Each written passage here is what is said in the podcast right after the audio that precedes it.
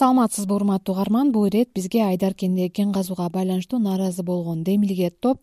Ала ай району сарык могул айылында өрттөнүп кеткен көп балалуу акын жана бишкек шаарында спорт клубдар фитнес залдарынын ачылышын күткөндөр. Баштаган бир нече адам кайрылды. Баткен облусунун кадамжай району айдаркен шаарчасынын тургуну бекзат орунбеков демилгечи топтун мүчөсү катары. Атайын кайрылуу жасаган. Анын айтымында айдаркендин аймагында орун алган таза суу булагы болгон айрым кендер үстүбүздөгү жылдын жыйырма үчүнчү июнда аукционго коюп сатылганы жатат сары таш төртүнчү тилке кургак көл жана гавиан кендери жайгашкан жерлер бир нече айыл өкмөтүн таза суу менен камсыз кылат бекзат орунбеков активист жаштар менен тургундарды чогултуп бул кендерди иштетүүгө аукционго коюлуусуна каршы чыгууда. Ал жакта мисалы эмне бар? Балуу таштар бар алтын күмүш жана башка таштар бар балуу ошол туурабы сиздерден бир билейли дегенбиз. Азыр өзүбүз ошону токтотуштун жолун издеп атабыз. Айдаркен жаштары менен биргеликте. Э, бирок ал жака эгер макул болсок макул болсок мына э, сок анклав э, айдаркен талаасы баардык айдаркен талаасы ошол жактан суу ичет. Ал жактан сууга кандайдыр бир химикат заттар түшүп айдаркен мындан кийин жашаштын кереги жок болуп калат да мындай зыяндуу заттар түшүп элдер кыйналып ошондой болуп калат азыр айдаркен ошого эле буну тосуш керек болуп атат. Бул бакиев убагында дагы бул кандайдыр бир себептерден сатка коюлган эле бул. Бакиев кытайларга макул болбой коюп берген эмес. Бакиев убагындагы неме болгон бул. Азыркы учурда бул уже сатылып кетип атат да аукциондочу уже уруксат берилгенби ал мындай жаңылыкка деле чыкпады. Бизден жаңылыктар ушундай жаңылыктар келип турат эле. Бул э, бизден мындай как келген жок да бизгечи. Уже нарыктан өздөрү эле чечип коюшуптур ошого буну токтотуштун жолун издеп аттык элек. Бекзаттын бул суроосуна жооп алыш үчүн айдаркен шаарынын мэрине кайрылдык. Шаар башчысы байышбек астанакуновдун айтымында чындыгында гавиан кени жайгашкан жерден бул шаарга караштуу бир нече айыл өкмөтү таза суу менен камсыз болот. Астанакунов жергиликтүү бийлик бул багытта иш алып барып жатканын айтып берди. Эми ал мындай биз биз таза суу ичебиз. Бул жерде дагы бир эки айыл өкмөтүнүн айылдары бар. Үч шаар айдаркен шаары анан өткөрө турган болду. Биз досуубузду жазып койдук. Биз как суу ичүүчү катары жергиликтүү бийликтин атынан бизди дагы комиссияңарга кошкула дегендей сунушту жазып койдук. Эми ошонун жообун күтүп атабыз биз дагычы мен эгер кошуп эмне боло турган болсо элден келген пикирди мына жерде фракциялар отуруп атат ошолордун жалпы пикирин жыйыштырып туруп ошол жерде комиссияда айтабыз буюрса сокулук районунун күнтүү айылынын тургуну канышай тобокиялова бул айылда мектептин чатыры он сегизинчи майда шамал алып кеткенин балдар окууга кооптуу болуп калганын айтып кайрылды. Ошондой эле талкаланган мектеп имаратынын сүрөт видеолорун да кошо жиберген.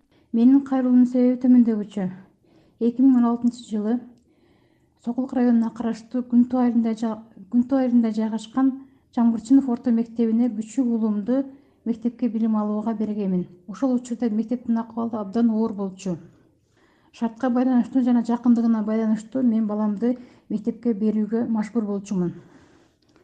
Мына быйыл эки миң жыйырманчы жылы он сегизинчи майда катуу шамалдан улам биздин мектеп аварияга учурады.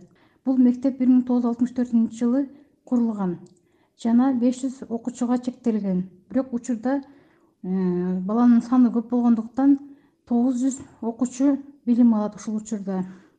Мына коронавирус болуп карантин болгондо ушул кырсык болуп биздин балдар аман калды. Эгерде окуу учуру болгон болгондо жүз баланын өмүрүн алып кетүүгө алып кетмек сиздерден өтүнөрүм ушул видеону жана сүрөттү көрүп өзүңүздөр оң жагына чечип берсеңиздер биздин айыл аймак жана ата энелер комитети өтүнөр элек бул кайрылууга билим берүү министрлигинин мамлекеттик сатып алуулар жана инфраструктура бөлүмүнүн башчысы бакыт кадыркулов төмөндөгүдөй жооп берди.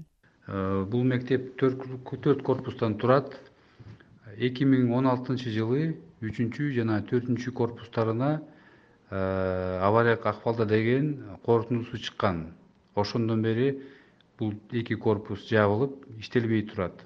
Балдар биринчи жана экинчи корпуста окуу процессин өткөрүп жатышат ошол мектептин авариялык акыбалдыгы эске алып туруп э, жыл сайын биз сунуш берип аттык элек өкмөткө э, жана э, каржы министрлигине ошондой эле курулуш агенттигине.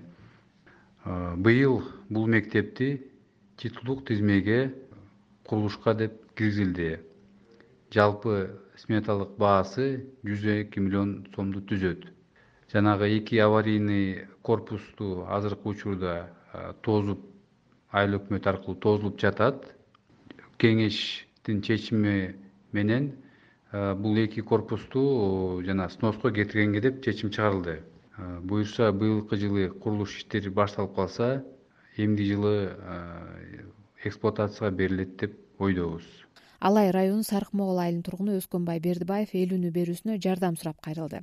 Ал жети баланын атасы кышында кичүү кызынын буту күйүп аны менен ооруканада жатканда айылдагы үй өрттөнүп кеткен. Өскөнбай өзү ыр жазат yangi овоз орто азия жазуучулар союзунун мүчөсү. Жок болуп дарек дайыным таппай жүрөм. Бар болуп кең дүйнөгө батпай жүрөм. Түйшөлүп эзилсем да санаа тартып жарылып мен эч кимге айтпай жүрөм чок болуп жанып өчүп күйүп жүрөм. Башыма көп түйшүктү үйүп жүрөм. Ташыркай тажасам да көртиликтен таштабай ырларымды сүйүп жүрөм. Турмушта көп нерсеге жетпей жүрөм.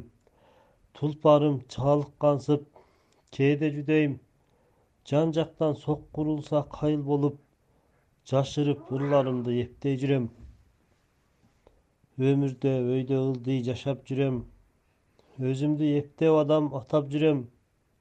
Тагдырда миң жыгылып жүз турсам да өчүрбөй ырларымды сактап жүрөм. Тагдырда көп жыгылып көп турсам да жоготпой ырларымды сактап жүрөм. Өскөнбай бердибаев кыйналган акынга жардам берүүнү каалагандар нөл эки жүз жыйырма беш эки жүз сексен төрт нөл кырк номуруна чалса болот. Бишкектен фитнес тренер артем путинцев кайрылды. Ал карантиндик чаралар спорттук жайларды чектеп жатканына нааразы у меня к вам такой вопрос. От лица многих спортсменов көптөгөн спортчулардын балким спортту сүйгөндөрдүн баарынын атынан төмөндөгүдөй суроом бар. Эмнеге бийлик спорт залдарды эң акыркы ачылчу иретке коюп салды дүйнөнүн башка өлкөлөрүнүн баарында спорттук машыгуучу жайларды биринчи ачып эл өз саламаттыгын чыңдап баштады. Бизде тескерисинче спортту эң акыркы орунга коюп жатасыздар. Базарларда деле карантин маалында эч кандай тартип сакталган жок. Эми коомдук транспортко да уруксат бердиңер. Эмне базардан маршруткадан автобустан коронавирус жукпай эле спорттук машыгуу залдарынан жугуп калабы? Биз тренербиз биздин деле акчабыз жок калды биз да иштешибиз керек. Залдын ижарасын кантип төлөйбүз? Эмнеге буга көңүл бурбай жатасыздар? Обратите на это внимание. Весь город работает мы сидим. Бул боюнча бишкек шаардык мэриясынан жооп алдык. Жыйырма бешинчи майдан тарта шаардагы баардык машыгуучу жайлар фитнес залдар бассейндерге иштөөгө уруксат берилди. Бирок бул жайлар толугу менен дезинфекцияланып бет кап кол кап кийип жүрүү талабы коюлууда. Ар бир машыккан адам аралыкты сактоого тийиш. Ал эми командалык оюндар футбол күрөш бокс баскетбол сыяктуу секцияларга уруксат берилген жок. Урматтуу угарман азаттык радиосунун эл үнү берүүсүн уктуңуз. Биздин whatsapp номурубуз нөл беш жүз элүү тогуз жүз сексен сегиз жети жүз элүү беш элдин үнүн мен бактыгүл чыныбаева чогулттум. Эсен туруңуз